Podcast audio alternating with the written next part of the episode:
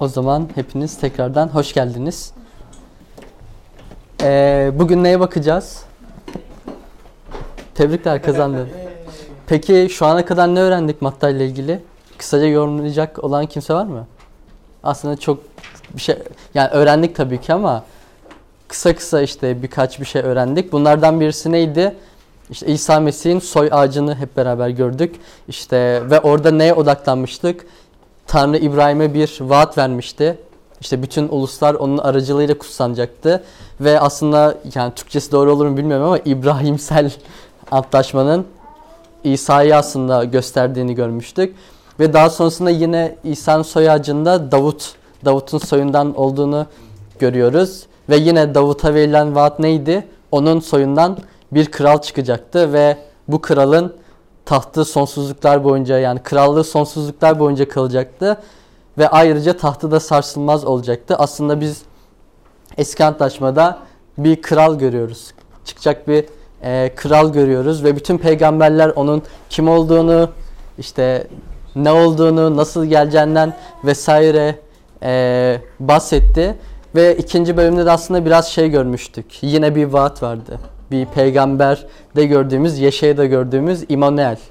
Yani İsa Mesih İmanuel ismiyle yani o isimle anılacaktı ve İmanuel ne demekti? Tanrı bizimle. Ve Mesih geldiğinde yani İsa geldiğinde yani ne olmuş oldu? Evet Tanrı bizimle olmuş oldu. Artık Tanrı bizimle birlikte olduğunu görüyoruz. Bugün yıldız bilimcilerin ziyaretine bakacağız ama burada aslında güzel bir nokta da var. Çünkü Matta kitabında özellikle bir tema var. Bu tema bence çok önemli. O temada şu, sadece Yahudiler değil aslında bütün uluslar müjdenin çeviri var mı? aslında bütün uluslar e, bu mirastan yani İbrahim Sel antlaşmadan ve o Davut'un soyundan çıkacak kralın krallığında yaşayacaktır şeklinde. Matta özellikle bunun altını çok çiziyor. Zaten en son buyruk neydi hatırlarsanız? Son buyruk Matta kitabının.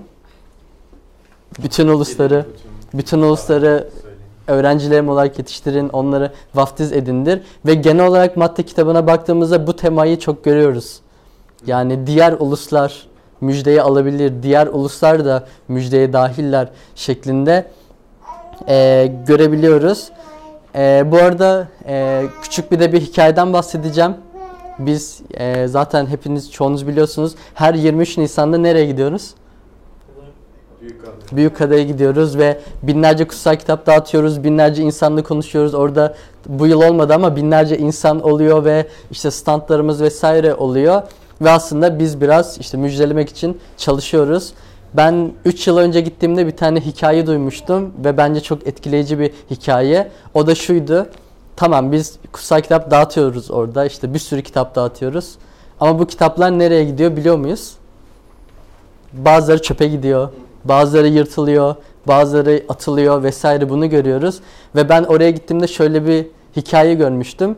Bir tane kadın çöpte kutsal kitap bulmuş ve onu okumaya başlamış ve yani şu an kim olduğunu bilmiyorum ama o kişi iman etmiş. Çöpte bulduğu bir kutsal kitap sayesinde. Yani belki burada biraz şeyi odaklanabiliriz. Evet Tanrı insanlara dokunuyor, insanlarla konuşuyor. Hatta işte müjdeciler e, onun müjdesini yaymak için bir şeyler yapıyor. Ama insanlar da biraz arıyor.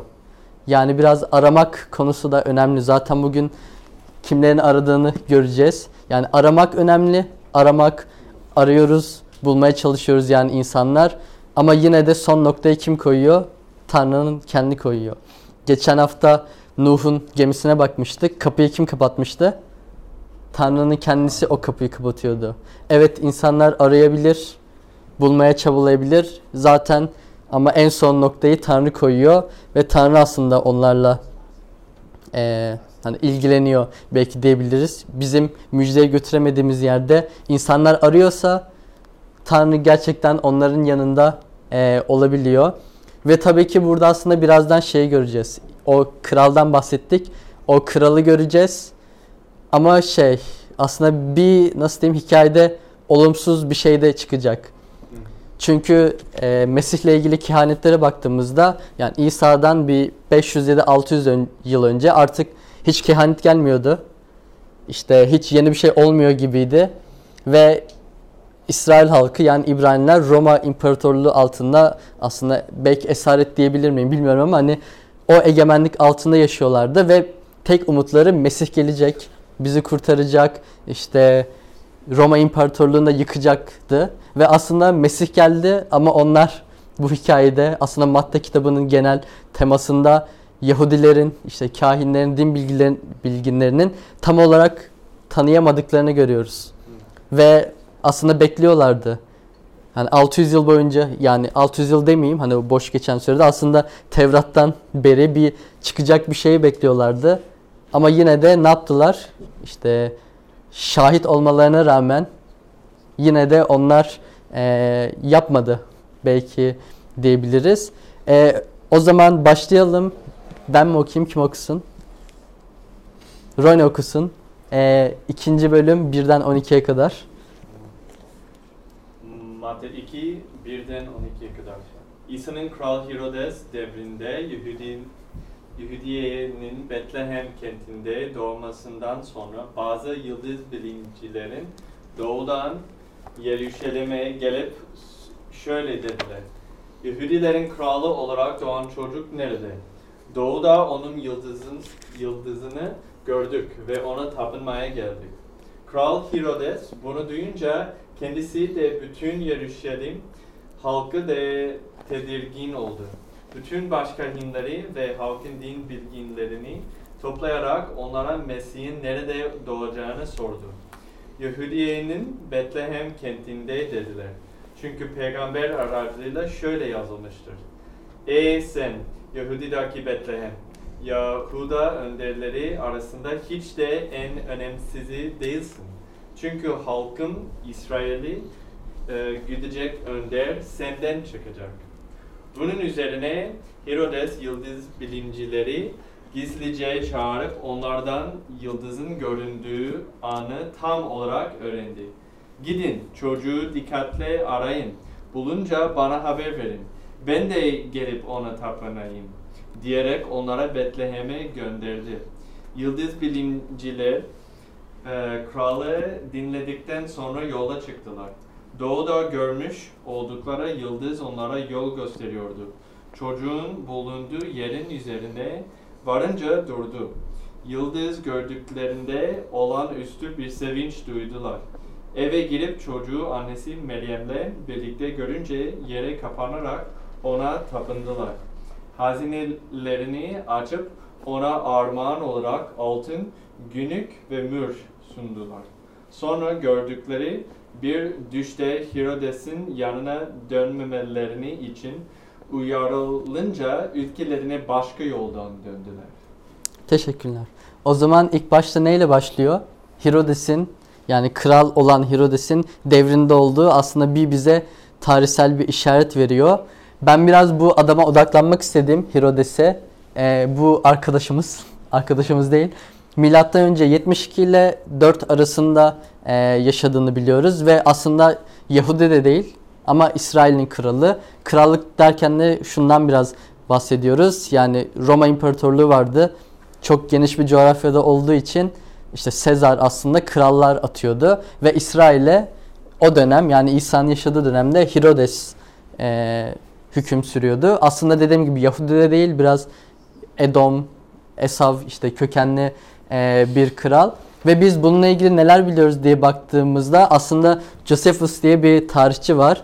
Bu arkadaş da 37 ve 100 yılları arasında yaşamış ve daha çok bu arada Yahudi asıllı hani dinen de konuşmak gerekirse Yahudi e, bir tarihçi ve daha çok Herodes'in dönemiyle ilgili araştırmalarıyla biraz ünlü. O yüzden bilmiyorum tarihçiler tanıyor mu?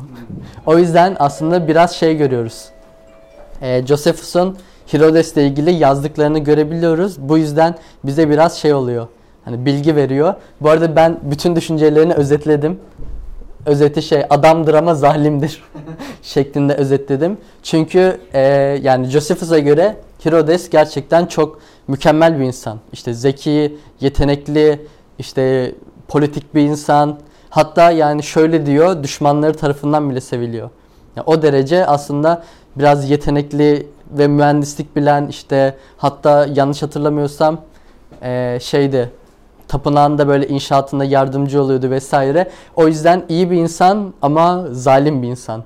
Çünkü biraz çok kıskançlık krizlerine giriyor. Çok bencil bir insan. Hatta ölmeye yakın yani ölümüne doğru hala krallığı devrilmesin işte kral kalabilsin diye işte eşlerini, çocuklarını, akrabalarını vesaire öldürüyordu. Yani böyle bir kıskanç bir adamdan bahsediyoruz. Ve daha sonrasında yıldız bilimciler geliyor. Diyor ki işte kral doğdu. İsrail'in, Yahudilerin kralı doğdu şeklinde e, bize bir bilgi veriyor. Bu arada dediğim gibi yani biz hep sıfır olarak İsa'nın doğum gününü alıyoruz. Ama işte araştırmalar yani Herodes'le ilgili araştırmalar hani muhtemelen milattan önce 5 vesaire de hani doğmuş olabilir şeklinde e, yani bilgiler var. Tabii ki bu bizi etkilemiyor. Sadece tarihi bir bilgi olarak e, verelim. Daha sonrasında ne oluyor? İşte yıldız bilimciler geliyor ve Herodes'le işte bir şeyler soruyorlar. E, hatta ne diyorlar? Yahudilerin kralı olarak doğan çocuk nerede? Doğuda onun yıldızını gördük ve ona tapınmaya geldik e, şeklinde e, konuşuyorlar. O zaman Herodes'ten bahsettik. Biraz da şeyden bahsedelim. Bu yıldız bilimciler kim? İşte nereden geldiler? Nasıl geldiler? Niye geldiler? Biraz ondan bahsedelim. E, bu arada kutsal kitapta şey Magos ya da buradaki yazılan haliyle Mago kelimesi kullanıyor bunlarla ilgili. Bu arada Magos ifadesi biraz şey aslında hakaret gibi. Hani bizdeki biraz cadı gibi. Cadılar Bayramı da dün olduğu için hani oradan referans alalım. Biraz işte büyücü böyle işte nasıl diyeyim hani çok sevilmeyen insanlar ama magos olarak adlandırılan bu insanlar aslında e, bu arada kaç kişi oldukları ve nereden geldikleri yazmıyor. Ben birkaç işte görüşten bahsedeceğim. E, bu magos işte magolar aslında yıldız bilimciler genelde işte rüyaları yorumlayan insanlar ya da astrolojik, astronomik ikisi de oluyor. İşte sihir, kehanetler gibi konularda araştırma yapan insanlar. Biraz da akademik ve işte yüksek nasıl diyeyim parası olan insanlar. Bu yüzden muhtemelen şey olmuş olabilir. Dediğim gibi kutsal kitapta bilmiyoruz ama yanında köleleri, hizmetçileri vesaire olabilir. Dediğim gibi bilmiyoruz ama zengin olduklarını en sona doğru hani dolaylı olarak öğreniyoruz. Ama burada şey önemli biraz. Yani nereden biliyorlardı, nereden geldiler, nasıl biliyorlardı? Çünkü e, burada neyi görüyoruz? Bu insanlar Yahudi değil. Yani çünkü başka bir ülkeden geldiklerini biliyoruz. Muhtemelen Yahudi değiller ama Yahudilerin kralı geldi ve ona tapınmaya geldik şeklinde e, bir şey söylüyorlar. E, bunların nereden geldiğiyle ilgili bu insanların çeşitli görüşler var. Çoğunluk işte Babil olabilir, İran tarafından ya da işte Arabistan tarafından bu taraftan gelmiş olabildiklerini düşünüyorlar. Benim biraz bununla ilgili yorumum var. Ben de Babil olduğunu düşünüyorum. Çünkü 2-3 ay önce Daniel kitabını okuyorduk hatırlarsanız. Zaten oradan e, benim aklıma geldi. E, Daniel'den hatırlarsanız Daniel Tanrı tarafından ne olmuştu? Yüksek bir aslında mertebeye, yüksek bir rütbeye atanmıştı. Ve aslında 48. yani Daniel 2. bölüm 48. ayette bütün bilgilerin başkanı yapmıştı. Nebukadnezar onu. Aslında Tanrı yapmıştı ama o işte diplomatik şeylerde hani Nebukadnezar onu e, atamıştı. Bu yüzden bu kişilerin nereden geldiğini belki söyleyebiliriz. Babil'den geldiğini söyleyebiliriz. Yani oradaki insanlar olabilir. E, neden olduğunu biraz açıklayacağım ama bu kesin bir bilgi değil. Benim sadece burada birkaç e, görüşüm var. Çünkü biraz şu yüzden evet bu insanlar işte ne yapıyor? Araştırmalar yapıyor. İşte kehanetlerle ilgili vesaire işte araştırıyorlar, bir şeyler yapıyorlar. Ama bence yani Daniel o zaman yani atandığı sırada bu insanlara Mesih'le ilgili anlatmış olabilir ya da işte Tevrat'tan bahsetmiş olabilir. İşte kutsal kitapla ilgili bilgiler vermiş olabilir. Bu yüzden aslında bu kişiler bu kehaneti yani bir hani birazdan da bahsedeceğiz yıldız olayını muhtemelen biliyorlardı. Ya Daniel onu anlatmıştı Babil'den geldilerse farklı bir ülkeden de geldilerse Zaten bunlar akademik insanlar. Muhtemelen kutsal kitap işte okuyorlardı, biliyorlardı ve yaşadıkları olay bir yıldız görmesi onları biraz etkilemişti. Bu yüzden Yeruşalim'e gelmişlerdi Herodes'le e, görüşmeye ve şimdi aslında biraz şey bu yıldızın ne olduğundan ben bahsedeceğim e, bir sonraki bölümde. Çünkü burayla ilgili aslında hani bir bizim bildiğimiz bilgi var bir de çok e, sorulan bir soru bu yıldız gerçekten geldi mi yani ne bu yıldız nereden geliyor şeklinde çok şeyler var e, sorular var ve biraz da bilimsel olmasını istediğim için böyle yaptım. Şimdi şöyle bir görüş var. Ee, bu yıldız yani kutsal kitapta da geçen bu yıldız bir süpernova olabilir. Yani süpernova biraz işte kuruklu yıldız, yıldızların patlamasıyla oluşan bir parlayan bir nesne ya da daha büyük bir e, görüş var diyeyim ya da argüman büyük buluşma. Daha önce bunu duymuş muydunuz? Duyduk mu? Çünkü iki yıl önce de gerçekleşmişti yani dünyamızda. Ee, bizim güneş sistemimizdeki en büyük iki gezegen Jüpiter ve Satürn. Ve onlar yani 800 ya da 1000 yıl arayla aslında e, arka arkaya ya da yan yana hani birbirlerine yakınlaştıkları için dünyadan da böyle parlak bir nesne gibi gözüküyorlar. Ve bu nesne yaklaşık şey işte ayın 1 bölü 5'i kadar yani 5'te 1'i kadar büyüklükte diğer yıldızlardan daha parlak ve daha büyük. Hatta en son 2020 yılında bir kere gerçekleşti. Bayağı zaten haberler falan oldu. Muhtemelen oradan biliyorsunuzdur. Ondan önce de aslında 800 yıl önce gerçekleşti. 1226 yılında araştırmalar bize onu gösteriyor. Yine aynı olay, olay meydana gelmiş. Bir de bir önceki de muhtemelen yine araştırmalar yani bunu söylüyor. Milattan önce 5'te ya da 3'te böyle bir olay gerçekleşmiş olabilir. Yani araştırmalar yapıldığında, izlendiğinde vesaire evet milattan önce 5'te ya da 3'te tam tarihini bilmiyoruz. Böyle bir hani Satürn ve Jüpiter'in birleşmesi büyük bir nesne doğurmuş olabilir ve muhtemelen buradaki işte yıldız bilimciler de onu görmüş olabilir ve git, e, Yeruşalim'e gitmiş olabilirler bu yıldızı gördüklerinden dolayı. Ama bir sonraki ayetlerde biraz şey diyor. Bu yıldız onlara rehberlik etti diyor. Bu sadece dediğim gibi şey kısmı. Hani olabilir mi, olamaz mı? Biraz o kafadaki soruları açmak için bir nasıl diyeyim argümandı. Bir de biz bu yıldızın olduğunu nereden biliyoruz? Yine aslında kutsal kitaptan. Hiç kutsal kitaptan çıkmazsak Tevrat'a baktığımızda çölde sayımda e, şöyle bir şey görüyoruz. E, şöyle diyor ayet. Onu görüyorum ama şimdilik değil. Ona bakıyorum ama yakından değil. Yakup soyundan bir yıldız çıkacak. İsrail'den bir önder yükselecek şeklinde bir ayet görüyoruz. Ve genelde e, kutsal kitap uzmanları diyeyim o dönem yaşayan ya da kahinler ya da din bilginleri bunun yani bu ayetin biraz Mesih'le ilgili öngörü olduğunu söylüyorlar. Öyle düşünüyorlar. Ve muhtemelen işte bu kay şeyler, yıldız bilimciler de bunu biliyordu. O yüzden biraz şey hani olabilitesi yüksek. Ve aslında bizim Noel ağacında taktığımız yıldızın da biraz hikayesi yani anlamı mesajı buradan geliyor ve eğer gerçekleştiyse yani bilimsel olarak da evet gittiler böyle düşündüler olarak e, görebiliriz. Daha sonrasında üçüncü e, ayette belki bence önemli bir şey var.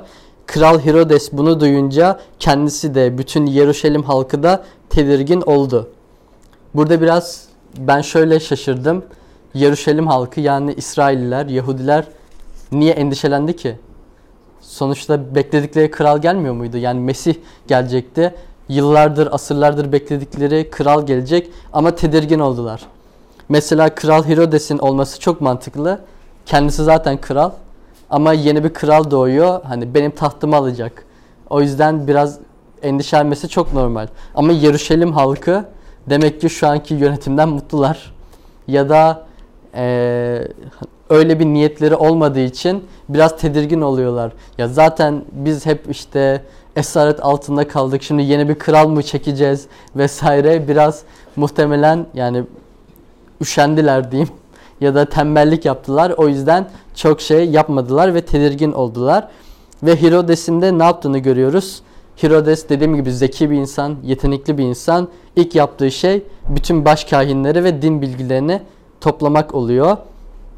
Ve aslında burada da çok şey oluyor. Ee, Yaruşalim halkı yani baş kahinler ya da din bilginleri o yıldızı muhtemelen gördüler. Bu yıldız bilimciler gördülerse eğer büyük bir şeyse ama onlar Beytlem'e gitmek yerine Yeruşalim'e gidip çünkü Herodes onları çağırmıştı ve oraya gittiler. Aslında o iki kral arasında bir seçim yapmış oldular diyebilirim. Ve Kral Herodes de biraz işte dediğim gibi zeki bir insan ama çok teolojiyle de hani bilgisi yok. Cahil mi diyeyim? Biraz cahil cahil bir insan olduğu için oradaki insanlara soruyor. Yani din bilgilerine soruyor. Ee, Mesih nerede doğacak şeklinde soruyor. Ve e, gelen şeyler e, başkahinler diyor ki Yahudiye'nin Betlehem kentinde dediler. Çünkü peygamber aracılığıyla şöyle yazılmıştır. Ey sen Yahuda'daki Betlehem, Yahuda önderleri arasında hiç de en önemsizi değilsin. Çünkü halkım İsrail'i güdecek önder senden çıkacaktır şeklinde. Aslında burada e, başkahinler iki tane ayeti, iki tane kehaneti birleştiriyorlar. Bir tanesi e, Mika 5.2'de yine Mesih'le ilgili şöyle bir şey var. Ama sen ey Betlehem Efrata Yahuda boyları arasında önemsiz olduğun halde İsrail'i benim adıma yönetecek olan senden çıkacak. Onun kökeni öncesizlikli, öncesizliğe, zamanın başlangıcına dayanır şeklinde aslında Mesih'in nerede geleceğine, hani nereden geleceğine dahil bir kehanet olarak görüyorlar. Ve daha sonrasında 2. Samuel kitabında aslında Davut'la ilgili bir şey deniyor. Ee, geçmişte Saul kralımızken savaşta İsrail'e komuta eden sendin. Rab sana halkım İsrail'i sen güdecek, onlara sen önder olacaksın diye söz verdi. Aslında oradakiler iki bu kehaneti birleştirdiler. Çünkü bu e, iki kehanet ne gösteriyor? Birisi Mesih nerede doğacak? Betlehem'de doğacak yani oradan gelecek. İsrail'i benim adıma yönetecek olan oradan gelecek. Ve karakteri kişiliği ne olacak? Aslında çoban olacak. Çünkü halkım İsrail'i sen güdeceksin şeklinde bu iki e, şeyi ayeti iki kehaneti birleştiriyorlar ve buradaki aslında hem kişilik hem karakter hem de Mesih'in nerede doğacağıyla ilgili e, baş kahin, kahinler ve din adamları bize bilgiler veriyor. Ben ve ben biraz burada şeye odaklanmak istedim. E, tamam Betlehem'de doğacak ama nasıl güdecek? Gütmek ne demek? Ya da şey hani çoban ne demek? Çünkü kutsal kitapta çoban motifi ya da benzetmesi diyeyim. Siz nasıl alırsanız çobanlık kavramını çok fazla görüyoruz ve özellikle eski antlaşmada çobanlık kime ait daha çok? Daha çok değil çoğu zaman. Hatta her zaman kime ait? Tanrı'nın kendisine ait. Hatta bununla ilgili Hezekiel'de şunu görüyoruz. Ee, bu 15-16 mıydı? Tam hatırlayamadım. Yanlış yazmış olabilirim ama 34. bölüm olduğu kesin. Ee, şöyle diyor. Egemen Rab şöyle diyor. Ben kendim koyunlarımı arayıp soracağım. Dağılmış koyunlarının arasındaki bir çoban sürüsüyle nasıl ilgilenirse ben de koyunlarımla öyle ilgileneceğim. Bulutlu karanlık bir gün dağılmış oldukları her yerden onları kurtaracağım şeklinde aslında yine Tanrı ben çoban olarak ben kendim kendi halkımı kurtaracağım şeklinde bir kehanetten bahsediyor. Ve çoban genelde ne yapar? Çoban genelde işte o koy, koyunlarına sahip çıkar, kaybolmasınlar, bir yere gitmesinler, işte besler. Kurt saldırırsa ondan korumaya çalışır. Aslında Tanrı da kendi halkı için ben sizin çobanınızım ve ben sizi kurtaracağım şeklinde aslında kendini hep çoban olarak e, tanıtıyor. Ve birçok aslında Tanrı'nın eski antlaşmadaki işte Tanrı'nın sahip olduğu isimler, sıfatlar biz yeni antlaşmada hep İsa'da görüyoruz. Örneğin yaşam kaynağı, kral, çoban gibi terimleri aslında eski antlaşmada Tanrı için kullanılan şeyler yeni antlaşmada İsa için kullanılıyor. Aslında burada biz biraz şey görebiliyoruz. İsa'nın Tanrı oluşunu. Çünkü Tanrı ile aynı özellikler, aynı sıfatlar, aynı isimlere sahip olması bizi bütün kutsal kitaba baktığımızda tek bir Tanrı var. Farklı kişiliklerde o konuya şimdi girmeyeceğim. Üçlü birlik konusuna ama tek bir Tanrı olduğunu bize gösteriyor ve bu bütün işte Tanrı'nın doluluğu hepsi Mesih'te gerçekleşiyor. Kutsal kitabında bize dediği gibi. Aynı şekilde zaten İsa bunu nasıl üstleniyor bu çobanlık kavramını. Ben iyi çobanım. İyi çoban koyunları uğruna canını verir şeklinde o çobanlık aslında görevini zaten onundu. Hani üstleniyor ve biraz çobanın görevine can vermek. Koyunları için ölmek. Ve İsa'nın koyunlar için öldüğünü nerede görüyoruz? Çarmıhta görüyoruz. Çarmıhta bütün işte o koyunlar için öldü, kendi canını verdi. Ee, bunu net bir şekilde görebiliyoruz. Ve dediğim gibi buradaki kehanet bize neyi gösteriyordu? Betlehem'de doğacak, çoban gibi kendi halkını e, güdecek bir çoban olacak. Ve İsa da evet Betlehem'de doğdu. Hatta yani şu an Luka kitabına bakmıyoruz ama yani Luka kitabına baksak hani Nasır zaten aslında Matta'da da bu bölümde de en sonda diyor. Aslında Nasıralı ama Betlehem'de doğması gerektiği için aslında Betlehem'e işte sayıma gidiyorlar. Ee, doğduğu yeri ve karakterini o halde biraz net bir şekilde hani tamamlanmış e, bir şekilde e, görebiliyoruz. Daha sonrasında e, 7. 8. ayetlerde şöyle bir şey oluyor.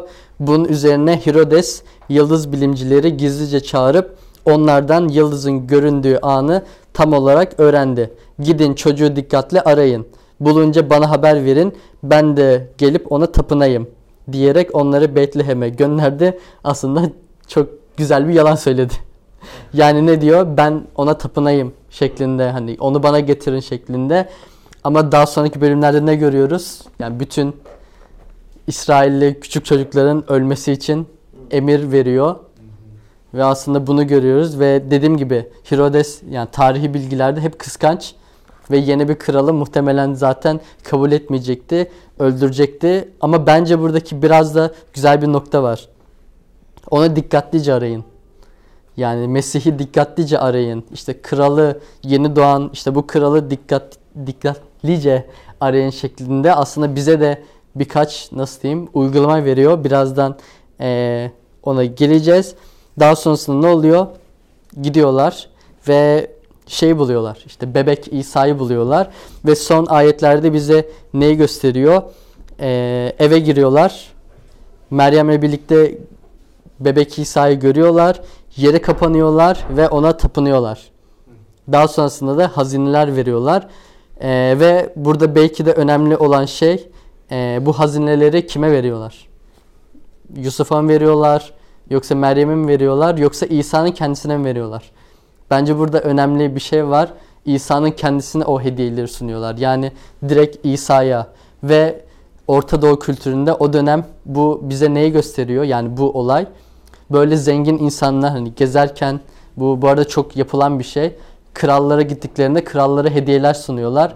Hem saygılarını göstermek için hem hürmetlerini göstermek için onları işte biz kral olarak seni kabul ediyoruz, tanıyoruz demek için krallara genelde zengin şeyler sunuyorlar. Zaten e, buradaki kullanılan altın, zaten altın şu an olsa yaşarız. Ya da işte günlük ve mür gibi şeyler. Bunlar da genelde ticarette kullanılan maddeler o dönem. Yani zenginlik gösteren, hani saygı gösteren şeyleri direkt bebek İsa'ya sunuyorlar. Yani biz bu ürünlerin ne olduğunu bilmiyoruz. Benim burada kendi düşüncem var. Muhtemelen umarım Yusuf ve Meryem onu hani dikkatlice kullanmıştır. Yani muhtemelen Mısır'a kaçtıklarında vesaire orada kullanmıştır hikmetli bir şekilde. Bu benim düşüncem. Şeyin ne olduğunu bilmiyoruz. Hani bu altınları vesaire ne olduğunu bilmiyoruz. Ama bunun yanında ekstra bir şey var. Evet veriyorlar, altın veriyorlar, işte para değerindeki şeyleri veriyorlar. Ama ek olarak şöyle bir şey var. Çocuğu görünce ne yapıyorlar? Yere kapanıyorlar ve ona tapınıyorlar. Aslında tamam vermek kral olduğunu kabul ediyoruz. İşte kral, işte Yahudilerin kralı geldi. Ama ona tapınmaları neyi gösteriyor aslında? Onun biraz tanrılığını bize, İsa'nın bize tanrılığını gösteriyor. Çünkü bir bebek var yani hiçbir şey yapamaz. Bu arada hani bizim kültürümüzde ne var? İsa doğdu ve konuşmaya başladı diye bir düşünce var bizim kültürümüzde. Böyle bir şey olduğunu görmüyoruz. Kutsal kitap bize böyle bir şey olduğunu söylemiyor. Sadece bir bebek var ve ona tapınıyorlar. Ve bu bebek de dediğim gibi biraz çaresiz yani küçücük çocuk. Muhtemelen burada 6-7 aylık İsa böyle bir olay e, yaşıyor. E, dediğim gibi ona tapınmaları biraz hani onun krallığından ziyade biraz da tanrılığını gösteriyor. Ve dediğim gibi burada aslında ne var? Yani Yahudiler nerede şu anda ya da din bilginleri? Şu anda Yeruşalim'deler. Yani Yeruşalim'de işte muhtemelen oradalar. Bunlar sadece muhtemelen hizmetkarları da yanında var. Dediğim gibi kaç kişi olduğunu bilmiyoruz. Ama altınları vesaire olduğu için zengin insanlar bütün topluluğuyla birlikte oraya yolculuk ettiklerini biz biliyoruz. Ayrıca Luka kitabında neyi görüyoruz? Luka kitabına bakarsak da İsa doğduğunda ilk kim geliyordu? Çobanlar geliyordu ve çobanlara melekler söylüyordu. İşte Mesih doğdu gidin oraya şeklinde. Ve bence Matta bize hani şunun mesajını veriyor. İşte ilk giden kim? Luka kitabında melekler git şey çobanlar gitti. İşte fakir olan insanlar, Yahudi olan insanlar. Matta kitabında yıldız bilimciler daha sonra gidiyor. Bunların en önemli özelliği bir, bunlar Yahudi değiller. Muhtemelen büyük bir ihtimal. Ve biraz daha zengin insanlar. Bu yüzden aslında e, biz hep Elçilerin İşleri 1.8'den bahsediyoruz ya önce Yahudiye sonra Yahudi olmayanı şeklinde. Aslında bunun hikayesini biraz görüyoruz bu ziyaretlerden kaynaklı. Ama burada dediğim gibi önemli nokta bunlar Yahudi değiller. Ve Yahudiler bekledikleri kral geldi. Hiçbir şey yapmadılar. Hatta belki inanmadılar, güvenmediler. Ama bu insanlar yürüdüler ve Mesih'i buldular. Ve bence bizler de aynısını yapmalıyız. Bugün bu yıldız bilimciler yok ama biz de onlarla birlikte bir şekilde yürüyoruz. Ee, nasıl yürüyoruz? Ee, dediğim gibi bu arada ee, az önce Yuhanna ondan okuduğumuzda ben iyi çobanım diyordu.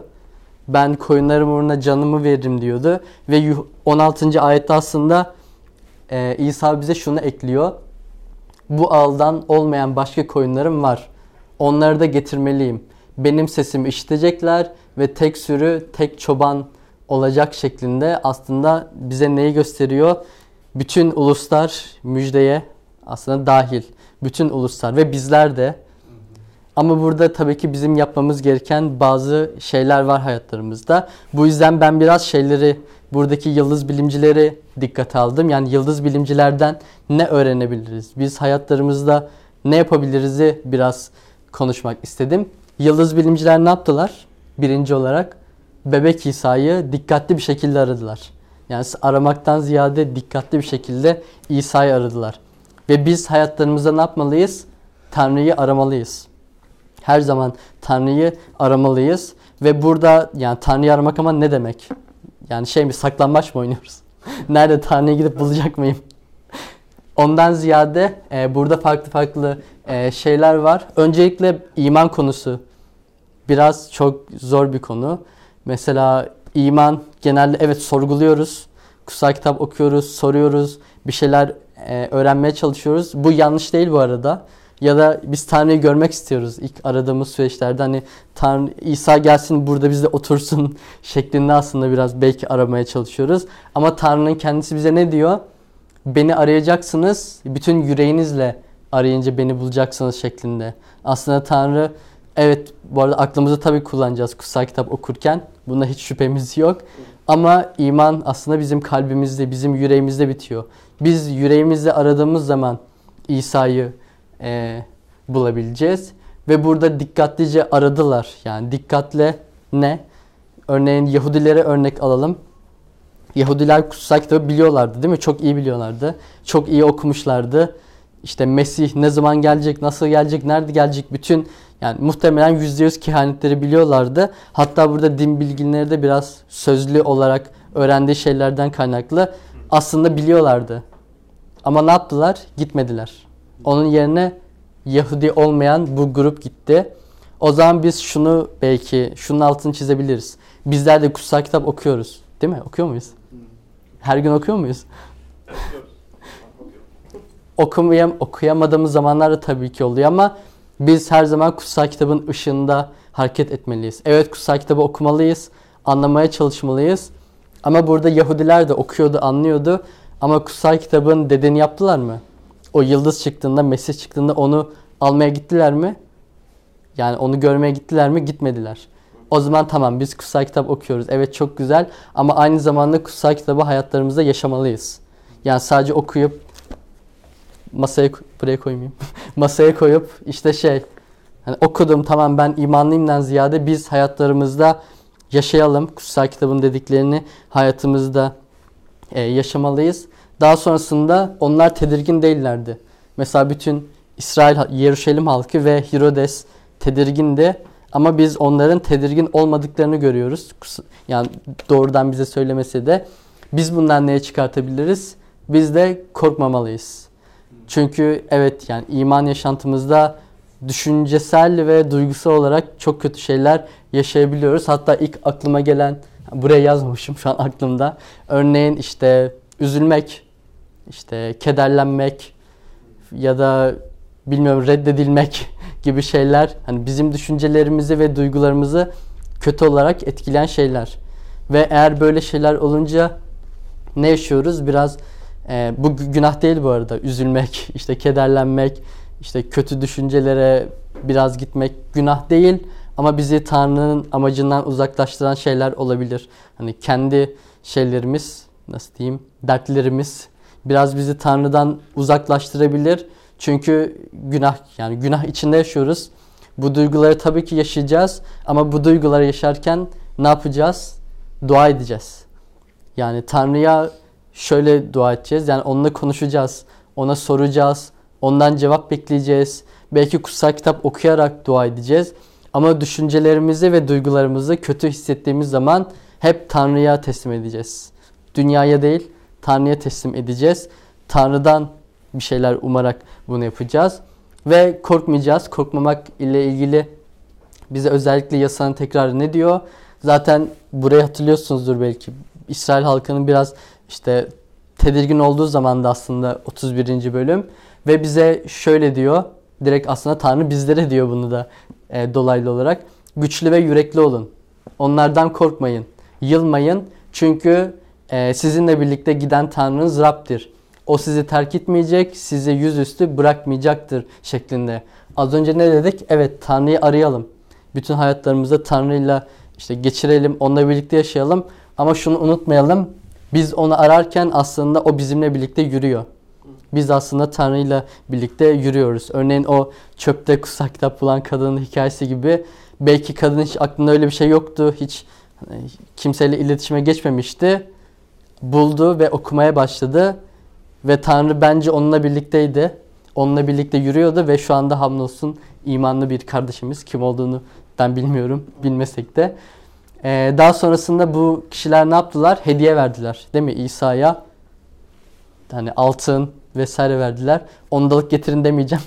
Onu bekliyorsanız. Çünkü hediyeyi kime verdiler? Direkt İsa'nın kendisine verdiler. Ve biz ne yapmalıyız? Vermeliyiz. Burada vermekten kasıt biraz daha fedakarlık etmek. Yani İsa'nın müjdesi için fedakarlık etmek. Çünkü Tanrı yani Rab İsa bize ne diyor? Ardımdan gelin diyor. Ve kendini inkar edin diyor. Çarmıha yükleyip yüklenip beni izleyin diyor aslında. Biz de o zaman hayatlarımıza ne yapmalıyız? Evet çar dilim ısırdım. Çarmıhımıza e, yüklenmeliyiz. Ve Tanrı ile birlikte aslında yürümeliyiz. Ve İsa'nın, Mesih'in müjdesi için gerçekten fedakarlık yapmalıyız hayatlarımızda e, müjdelemek için bir fırsat varsa onu bence her zaman kullanmalıyız. Yani şu an bu arada aklıma bir hikaye geldi. Biraz garip bir hikaye ama belki anlatabilirim.